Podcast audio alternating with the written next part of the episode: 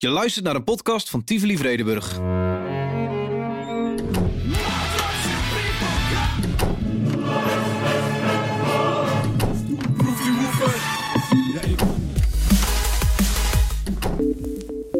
Dit is een podcast waarin we maandelijks kletsen over de tofste concerten in Utrecht deze maand. Met in deze aflevering Mozart was de eerste componist die voor zichzelf begon. Die als een ZZP'er begon. Hij heeft echt zo'n zo'n mooi uh, entourage heeft hij voor haar gemaakt. Zo'n presenteerblaadje waarin zij kan schitteren. En dan uh, doe ik nu een hele gevaarlijke uitspraak. Maar de muziek die we schrapten, die kon me daardoor gestolen worden. Want die, die mis je dan helemaal niet. Peter, zit, uh, zijn er vrienden na deze podcast? Bloemenmeisjes. En uh, laatst waren de bloemenmeisjes waren er niet. Dus toen moest ik het podium op met de bloemen. Nou, ik weet, dat is heel gek binnen klassiek. Dan een jongen met lange haren het podium op en tatoeages. Ik voel wel een soort van etikettendruk. Shostakovich uh, moest dagelijks uh, vrezen dat hij naar Siberië gestuurd ging worden door Stalin. Die hem echt persoonlijk op de korrel had. Dus als je van een afstandje luistert, dan hoor je hem echt een lange neus trekken naar Stalin. Maar Stalin zelf vond het heel erg mooi. Is dat onderdeel van klassiek dat je met een, met een kutgevoel ook weg mag gaan? Nee. nou, Dit was een leidersweg, maar het is Pasen, dus dat hoort. Welkom, luisteraar, bij een nieuwe aflevering van uh, Krenten uit de Pop. Dit is de editie van maart en dit is een bijzondere editie. Uh, dit is namelijk een klassieke editie. Aanleiding daarvoor is de klassieke brochure die elk jaar uh, rond deze tijd uitkomt. Bij mij zitten hier twee programmeurs klassiek, of sorry, één programmeur klassiek en één marketeer klassiek. Die een ontzettend zware bevalling achter de rug hebben, namelijk die brochure. Was het zo zwaar, jongens? Nou, verschrikkelijk. ik, ik, ik kan net weer lopen. Oh, echt? Nou ja, zo zie je het verschil. Nee. Peter stelt dat hele seizoen samen. En uh, nou ja, wij van marketing, zeg ik dan maar even, gieten dat in een uh, boekwerk dat moet kloppen. Ja, precies. Maar dat is natuurlijk een gigantische samenwerking. En ik denk dat we nu op het moment zitten dat het allemaal klaar is en gelukt. Dus een beetje in de Eureka en het ja. harde werk alweer een beetje vergeten zijn. Ja, in tegenstelling tot Pop maken jullie een soort van een agenda voor het hele seizoen.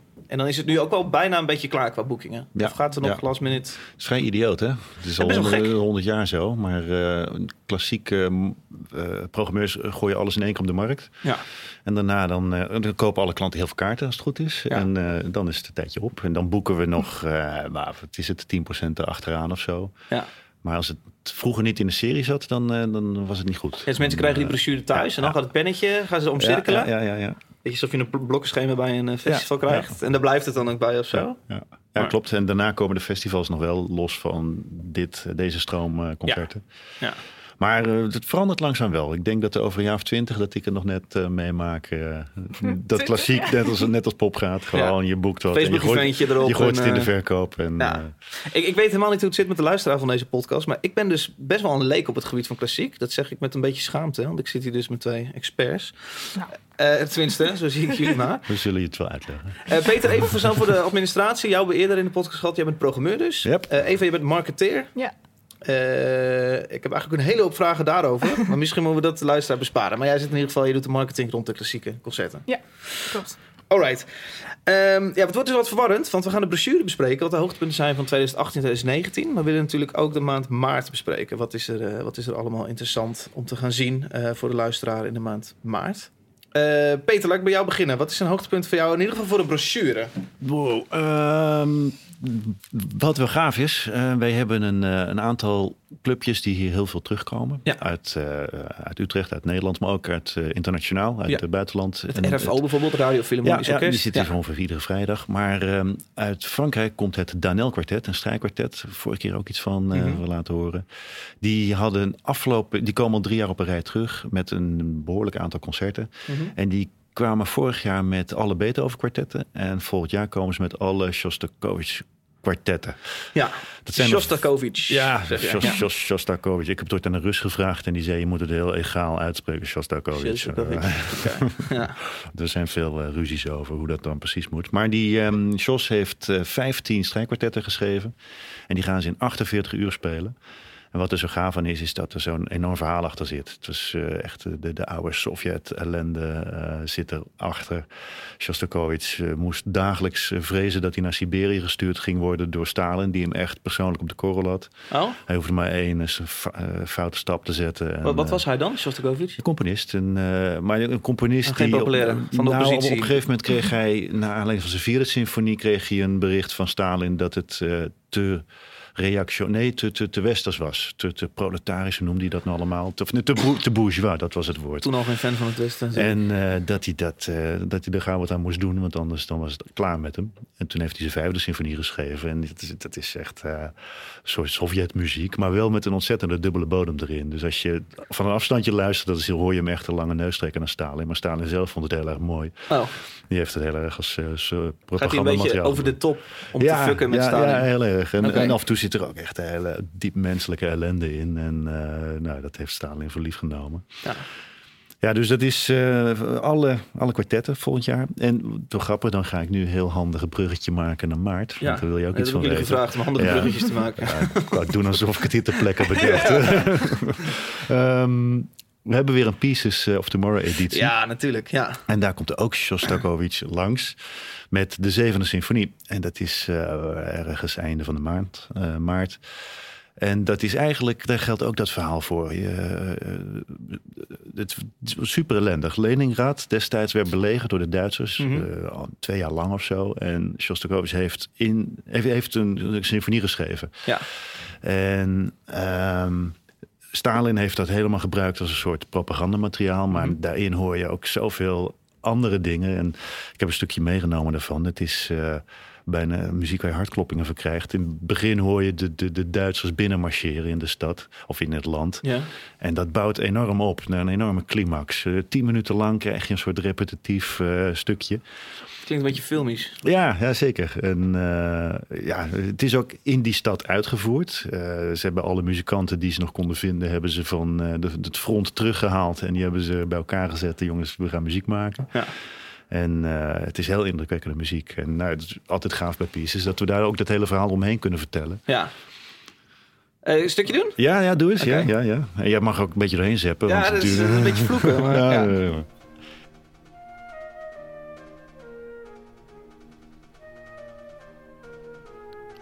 Je hoort zo'n militair trommeltje. Ja. En dit is het liedje. En dat liedje blijft maar terugkeren. Wordt hij zo zacht of heb ik hem gewoon zo ah, zacht? Het is heel zacht, Ah, ja. okay. Maar als je dus duidelijk een beetje vooruit scrolt, dan... Oh, uh... ja. ja, mag ik nu al ja, scrollen? ja, doe maar. Dit voelt, uh, dit voelt als vloeken. Het is net zo'n beetje als de Bolero van Ravel. Die wordt ook steeds harder, steeds We blijven het indrukwekkender. snare dingetje wel Ja, horen. ja, ja. Oh, oh, oh, daar gaan we al. Ja, daar schiet hij op. ja. Maar hij gaat uiteindelijk insane hard. Dus dit is maar de helft, denk ik. Uh, ik heb wel eens meegemaakt in de concertzaal... dat er een paar oude mensen voor mijn neus zaten... dat ik echt bezorgd was van, oh god, ze blijven erin. Het is zo... Het, het grijpt je, ja, het, het grijpt je zo vast. Het is wel... eh,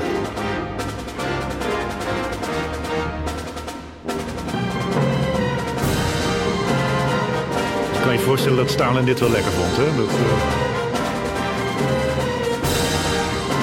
Maar verderop wordt het ook echt heel anders. Dan wordt het Oh, ja, echt, ik eh, scroll, tik hem een klein stukje door. Ja?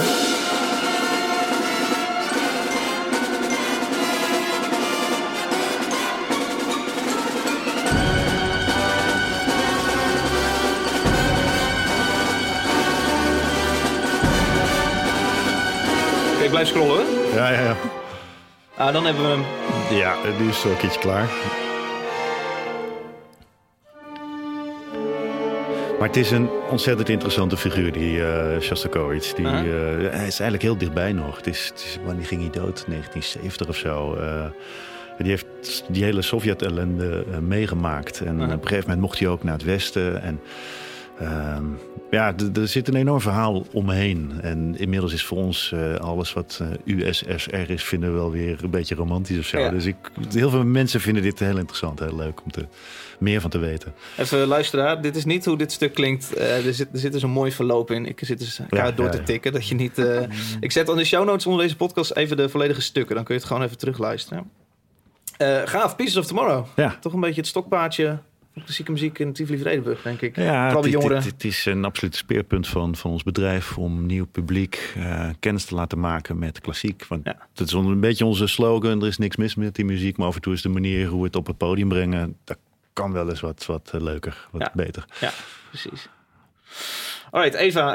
eh, ook in maart is het eh, eh, Nederlands Kamerkoor Next. Ja, En met wat ik echt een vet evenement vind. Het is namelijk, eh, jullie spelen in, zij spelen in op Burnouts.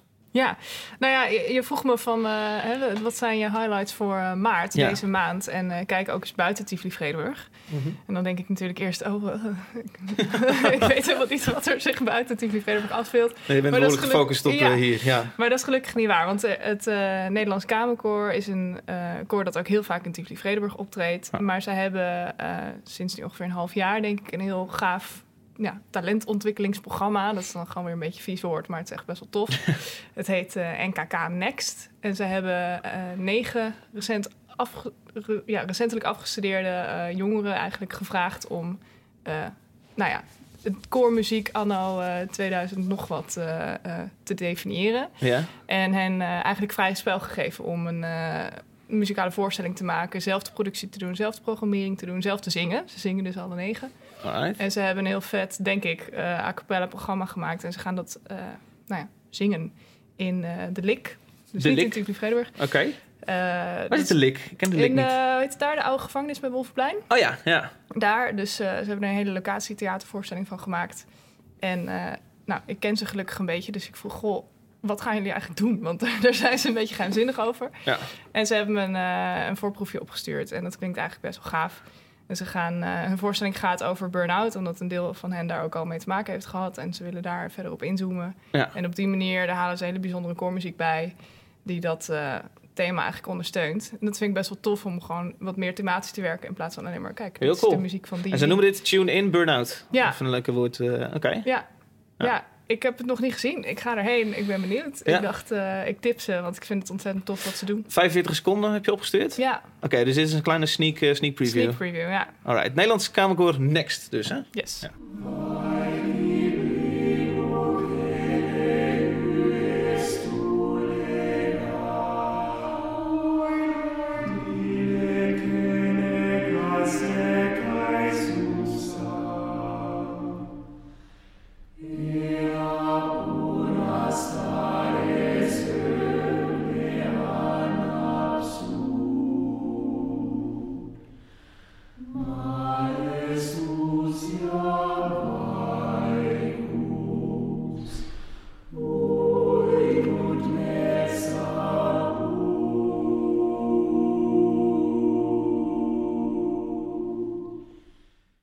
Wauw. Ja. Ik moet een beetje Gregoriaanse zang uh, Ja, denken. ik denk uh, dat ze daar ook wel een beetje op ingaan. Dat ze... Uh... Probeer als punkrocker zoveel mogelijk termen, klassieke termen, nu erin gewoon indruk te maken.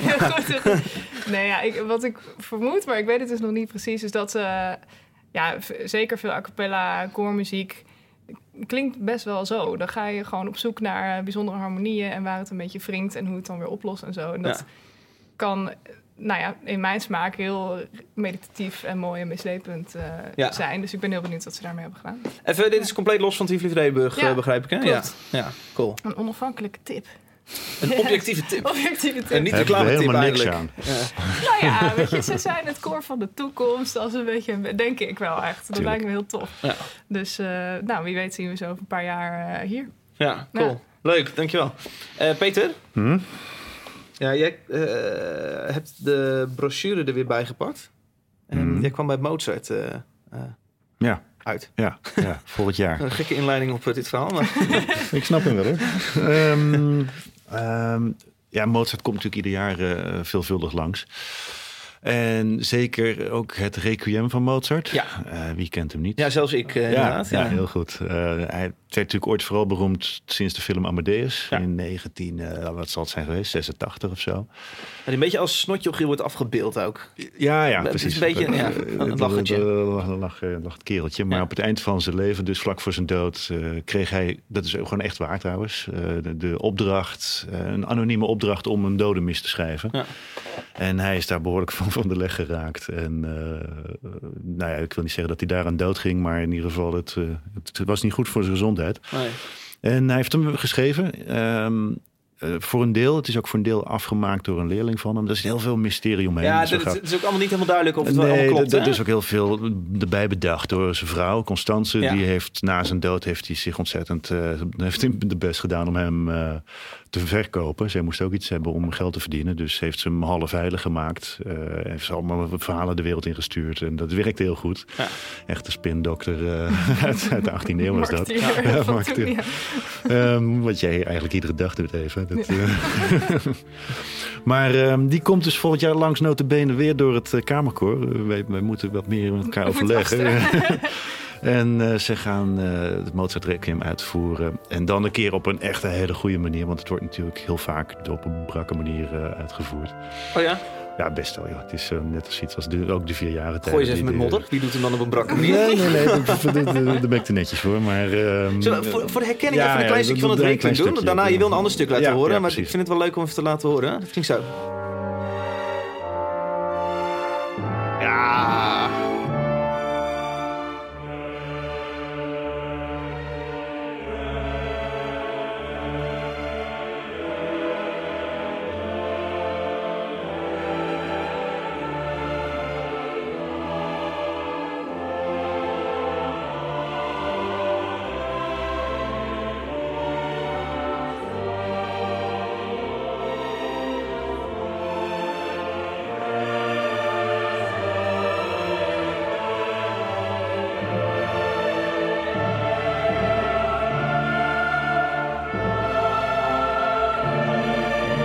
Ik denk ook veelvuldig gebruik in films. Ja.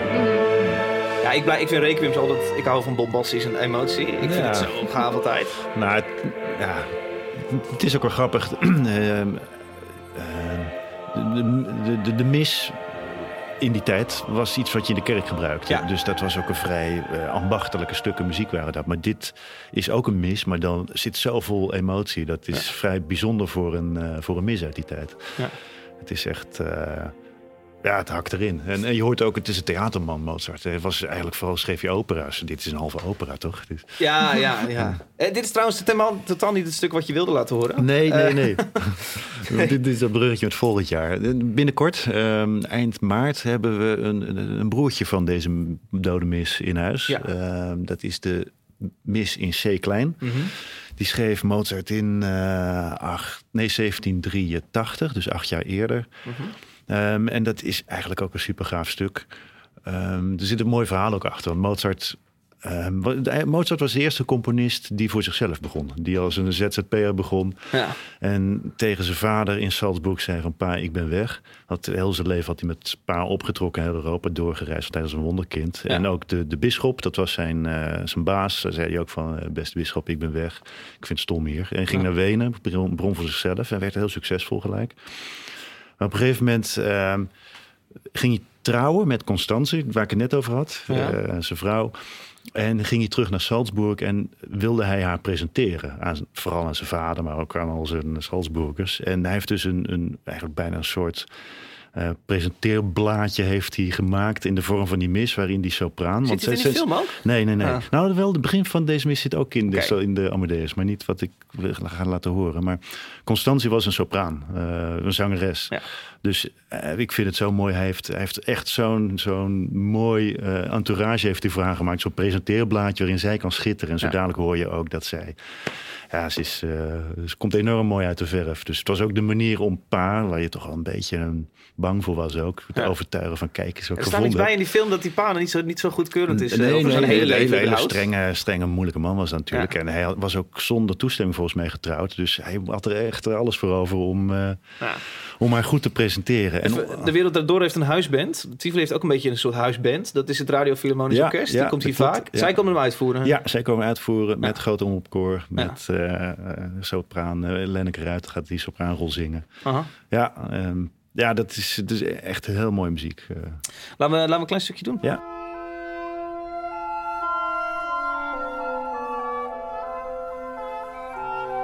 Hier is hij eigenlijk het bedje aan het klaarzetten waar zo dadelijk de sopraan in mag gaan liggen. Ja, dat, dat, dat- en daar komt ze dan.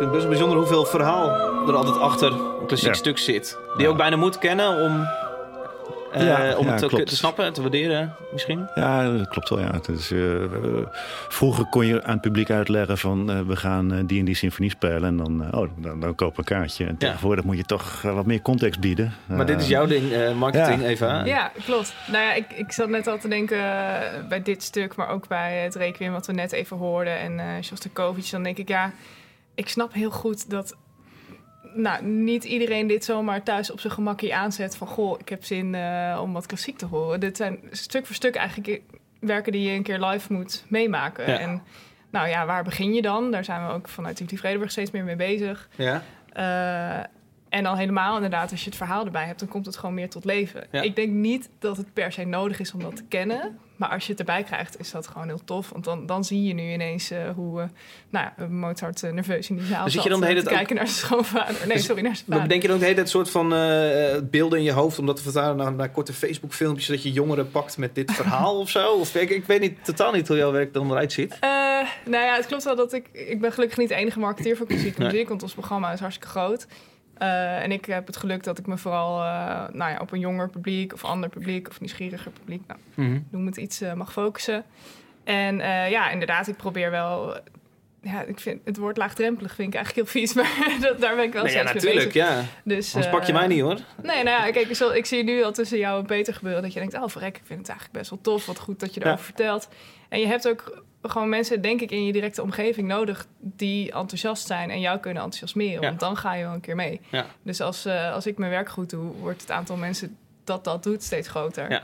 En eh, ja, kan je de olievlek een beetje in de hand werken. En ik zie dat dat hier steeds meer gebeurt. Dat is super tof. Ja, want ik merk, en ik hoop dat de luisteraar dat ook heeft. Ik merk dat ik door, door het verhaal inderdaad van... Dit, hij wil zijn vrouw mooi presenteren aan zijn vader. Dus hij schrijft dit, zodat zij daar goed uit de verf komt. En hij indruk kan maken. Ik merk dat ik dan anders naar het stuk luister. Oh, daar komt die stem. Mhm. En ik weet ook niet, ik vind het mooi. Ik weet niet of dat komt door dit verhaal nu. Misschien is het ook gewoon heel mooi. Maar eh, ja, Ja, ik kan me voorstellen dat het een leuke, een dankbare taak kan zijn. Precies. En ik denk ook, eh, de- de- er heersen wel een paar misvattingen, denk ik, over dat je dan ook per se moet weten in, in welke toonsoort het staat en wanneer het geschreven is en per Nee. se door wie. Maar, maar een klein beetje extra context, net waar jij op aangaat, als, Ja. als wij die kunnen geven, maakt het dat je gewoon wat sneller Ik, nieuwsgierig ik wordt. verbaas me wel door hoeveel stoffigheid ik heen moet voordat ik bij zo'n mooi verhaal uitkom. Ja, En dan bedoel ik echt moeilijke titels, eh, etiketten. Echt, het barst van de etiketten bij klassiek. ja, Dat ik denk, ah ja. Het valt best mee hoor, maar mensen denken het wel vaak. Ik bedoel, de, de zaal zit gewoon vol met spijkerbroeken ook hoor. En, eh, ja, maar goed. eh, Ja, je moet niet eh, gaan klappen wanneer je wil, maar goed. Dat, het schuit, van van mij mag het trouwens best hoor, maar Ja. Nee, maar goed, ik werk natuurlijk als stage manager. En ik, had, ik, ik, ik zie dan wel hoeveel... Ik, ik hou deuren open voor muzici. Dat is dan gebruikelijk. En eh, je hebt zoiets als bloemenmeisjes. Ja, en eh, laatst waren de bloemenmeisjes waren er niet. Dus toen moest ik het podium op met de bloemen. Nou, ik weet, dat is heel gek binnen klassiek. Dan een jongen met lange haren het podium op en Nee. tatoeages. Dus ik, het is wel... ik Het vind is, het niet zo lastig hoor. nee, precies. Ja. Maar ik, ik, ik voel wel een soort van Ja. etiketten Nou, maar dat is eerder het probleem. Dat jij dat voelt dan dat het er is, Oké, ik. Ja, Oké. en daar Dus zijn het dus- mij leggen. Ja, Nou ja, dat probleem ligt vervolgens weer bij ons. En ik, ik, ben er als marketeer steeds mee bezig om jou hè, bij voorbaat een beter gevoel te geven bij een klassiek concert in Tivoli Vredenburg. Ja. Het klinkt misschien heel eh, wollig en eh, beleidsmatig. Nee, nou ja. Maar eh, kijk, als ik jou van tevoren het gevoel kan geven van... nou ja, maar als ik in Tivoli Vredenburg naar klassiek ga, dan zit ik goed.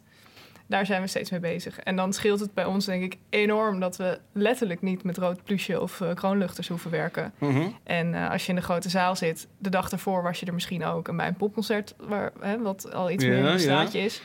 Eh, dus het leuke vind ik dat, dat ons publiek zich hier wat sneller thuis voelt. Ja. Jij hopelijk ook. En, eh, maar inderdaad, we hebben ook wel steeds meer concerten waar het bloemetje nou, eigenlijk niet meer zo hoeft. En niet dat ik het bloemetje stom vind hoor. nee, maar, het is wel ja. goed symbool.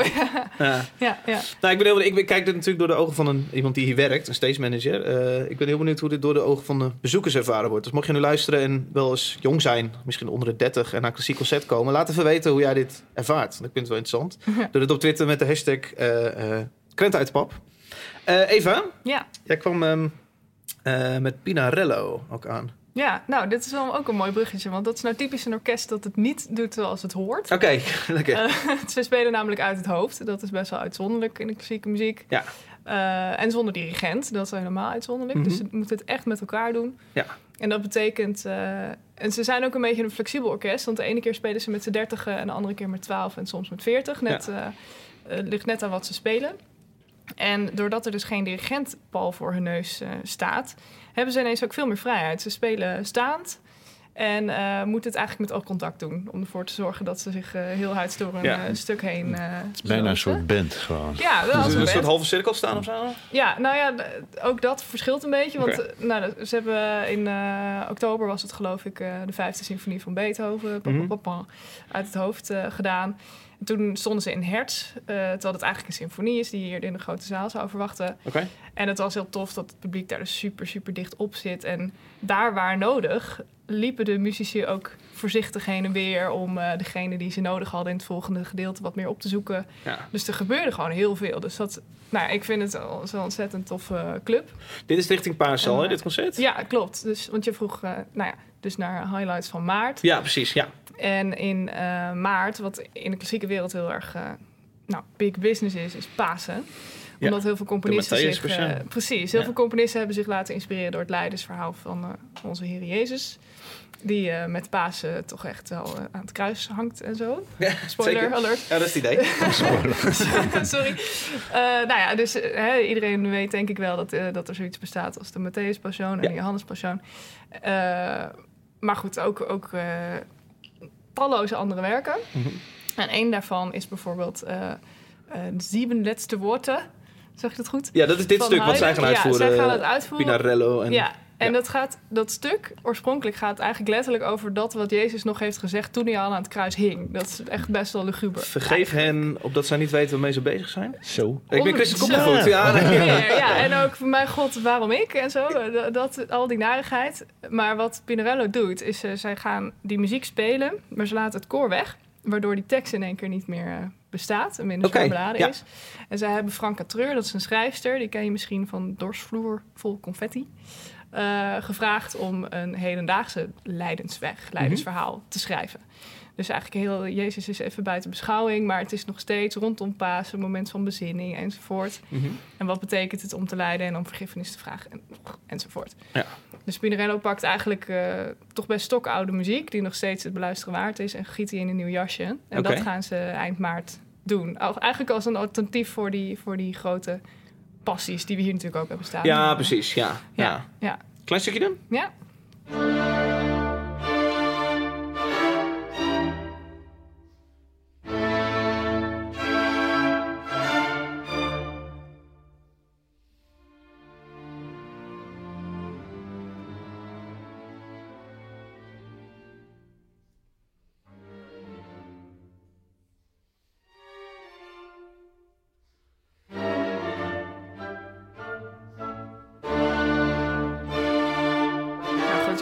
Al een vrij eh, dramatische introductie Ja, op eh, wat er komen gaat. Ja.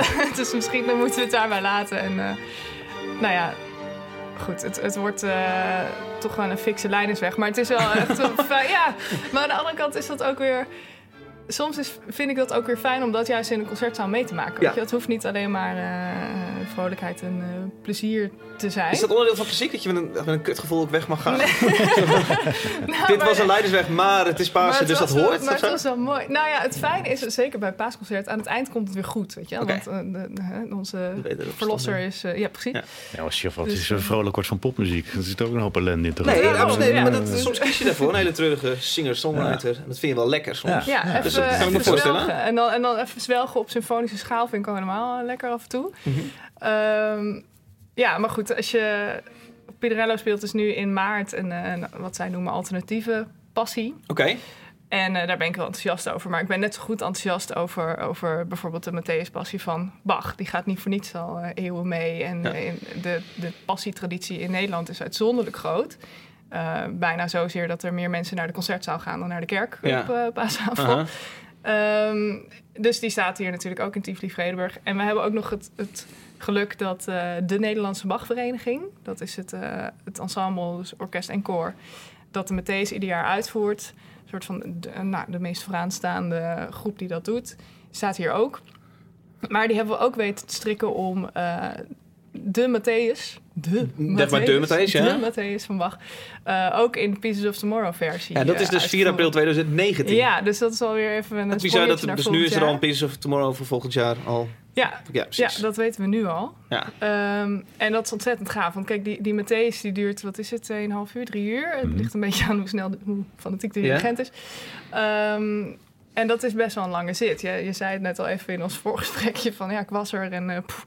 Ja, ik, ja, ik vind het, ja. Ja, het, Is, het is, ook dat is een, kan een lijnensweg zijn. Ja, ja. Hoe toepasselijk. Maar het, die muziek is echt prachtig. En, en Bach is, uh, nou ik weet bijvoorbeeld dat Peter helemaal idolaat is van Bach. Die ziet hem als een soort heilige, heb je wel eens verteld. Een Bijbelse figuur. En, uh, Bijbels figuur. En uh, daar kan ik me eigenlijk wel in vinden. Want het is, het is echt, echt wel iets magisch om, om dat mee te maken. En helemaal door een ensemble dat dat zo goed kan. En het gave is, um, deze editie van Pieces of Tomorrow, dus waar, waar we de Matthäus doen, die hebben we in 2017 ook al gedaan. Ja.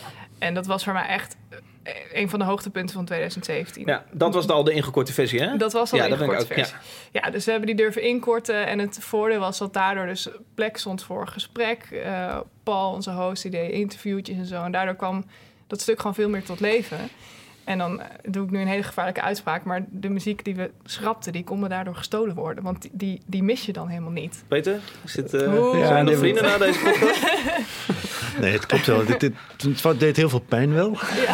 het is net zoiets als uh, de nachtwacht van Rembrandt. Gewoon een paar vierkante meter uithakken. Ja, ja, om, uh, zodat er iets leuks overblijft. Links en rechts vooral heel mooi. Ja. het midden eruit. Ja, maar... Um, ja, de, de, essentie van het stuk kan je ook wel in een uur pakken. En als je dan ook nog erbij kan vertellen waarom het zo gaaf is, dat maakt het echt heel bijzonder. Nou, als jij je kinderen enthousiast wil maken voor het stuk, dan zul je inderdaad uh, misschien inderdaad dat, wat Dan moet je niet bij drie uur tegelijk beginnen. Nee, nee, nee, nee en ook niet op een koude kerkbank. Dus nee. uh, ja, ik, uh, wel met een pilsje in je hand. Wel met een pilsje. Oh, God, onze heer had het uh, vast mooi gevonden. ja, ja, ik snap wel dat er mensen zijn die zeggen...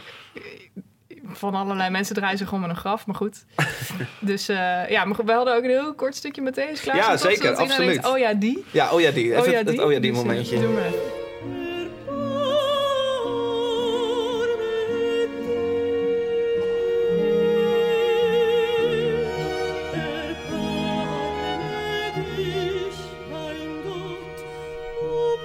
Ik, ik heb geen oh ja, die momentje. Nee? Nee. De bazing op twee gedeelten Een hoop, uh, hoop zangers hebben we. Een hoop, een hoop ja, zangers in deze uitvoer, uit, uh, uitzending. Ja. ja. Ja, wat is nog meer een oh ja punt? Uh, de opening gewoon. De opening. De opening? Ja.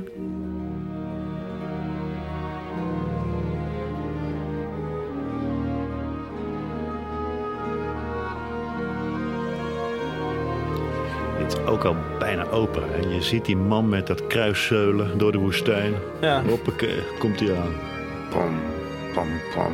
Waarom combineer je dit niet af en toe met dat beeld? Nou, we hebben er wel een uh, lichtplan bij gemaakt vorig jaar. Een lichtplan, ja. Ja, ja. ja. Want ik merk dat klassiek heel vaak heel goed overkomt bij onder films. Omdat ja. dan, dat je dan de dramatiek erbij ziet gebeuren. Sorry, ik lul eerst stuk heen. Verschrikkelijk. Dat maakt niet uit. Het is ook een, een opening. hey, allerlaatste stukje. Hoe lang wordt deze podcast? Ja. Nou, we zitten een half uur. Um, uh, is ook weer iets wat in de brochure is uitgekomen. Het gaat Ja. dus nog even duren voordat we het kunnen zien. Ja, Maar dat net. is Lavinia Meijer en het Gelders Orkest. Ja, klopt. Ja, het, het zelfs wie, wie dat speelt maakt niet eens zo heel veel uit. Ik bedoel, dat klinkt onaardig. Maar ook dat is in de klassiek nog best wel eens een ding. Dat je zegt, ja, ik hou heel erg van Steve Reich. Oh, wie, wie voert het nu uit? Ken Ja. ik die wel? Haak ik daarop aan of af? Eh, Dat, dat Ja, maakt ons werk best wel lastig af en toe. Ja. Eh, maar goed, volgend jaar eh, komen Lavinia Meijer, de harpiste. Die, die ken je misschien wel als je een foto ziet. denk je, oh ja, die. En eh, het Gelders Orkest. En die zitten in de serie eh, Minimal Music. Mhm. In de klassiek programmeren we vaak in eh, serieverband. Dus dan heb Ja, je... Minimal Music moet je even uitleggen. Dan heb je het mij over Arnaudi, Ja. Philip Glass, Check, eh, check. alle contemporary classic. Met Ja. piano, riedeltjes. Die ook nog eens patroontjes heel vaak terugkomen. Ja, vrij Ja. meditatief, eh Briljant uitleg. helemaal, niks meer doen, helemaal goed. En eh, het leuke is dat we volgend seizoen hebben we uit mijn hoofd zes concerten op een rij eh, die onder minimal eh, wel vallen. Ja. Ehm, en één daarvan, daar wordt inderdaad, nou, de paar mensen die je net al noemde, niet Arnaudi geloof ik, maar Reich, Glas, Pert, b- noem er nog een paar gespeeld, maar Mhm. ook Vivaldi. En dat is een beetje een rare snuiter in dat rij- rijtje. Ja. En daardoor viel dat concert maar op. En je zei net al even, ja, veel klassiek doet het zo goed onder films. Hoe Ja. komt dat nou? Ja. En eh, ik sloeg ook aan op dit concert, omdat de stukken die daar worden gespeeld, die worden veelvuldig gebruikt in een Netflix-serie, Oh, Chef's Table. ja, die kijk ik nou net niet. Nee, dat is, eh, die is een beetje voor de foodies eh, onder ons. Ja. Maar goed, dat is een serie over de Michelin-chefs door heel de wereld. Ja. En er zit vrijwel uitsluitend klassieke muziek onder. Uh-huh. Dus dat is wel Waarschijnlijk om een beetje culinair te laten lijken, man. Ja, precies, precies. Het ziet er heel hoogdravend Ja. en tof uit. Zo. Echt wel food porn met goede muziek eronder. Ja. Ehm, maar ja, daar, daar hoor je eigenlijk al zoveel langskomen. En als je dat nou vet vindt... Nou, dit zit gewoon in één avond live in één concert. Ja. Best wel tof. Ja. Maar goed, daar zit dus ook Vivaldi bij. En eh, Vivaldi is eh, stukken, stukken, stukken ouder dan eh, Philip Glass. Ja, Philip Glass ja. leeft nog. Maar wat eigenlijk wel leuk is, is dat, nou, die, die zit meer in de, wat je noemt, barok. Maar sommige barokmuziek zit eigenlijk best wel dicht tegen minimal aan. Dat is ook best wel repetitief. Korte nootjes, snelle lijntjes. En maar gaan, gaan, gaan, gaan, gaan. Mhm. Dus als je van minimal houdt, dan is er ook best wel wat barok eh, die je tof zou kunnen vinden. Ja, oké. En een goed voorbeeld daarvan, denk ik, is, eh, of een goede instapper, is eh, Vivaldi's Vierjarige Tijden. Mhm. En zeker het stuk winter, daarvan kent denk ik bijna wel iedereen. Dus je dat, dat heb je klaarstaan ook, toch? Ja, ja, ja. ja. Wil je mij voren? Ja, laten we maar even doen.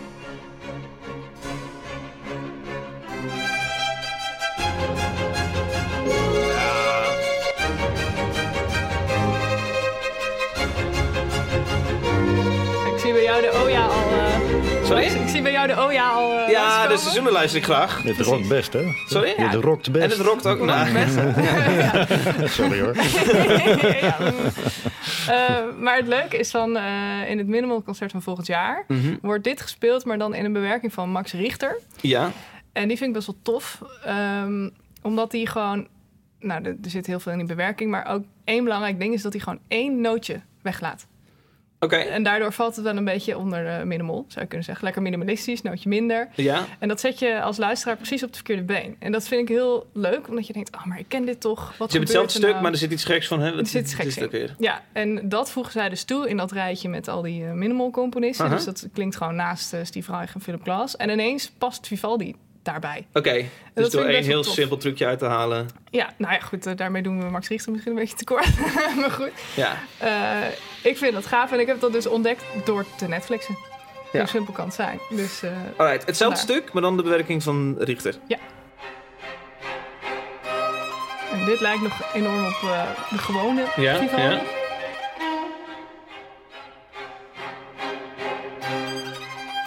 Dan komen we zo bij dat stukje dat je denkt te kennen.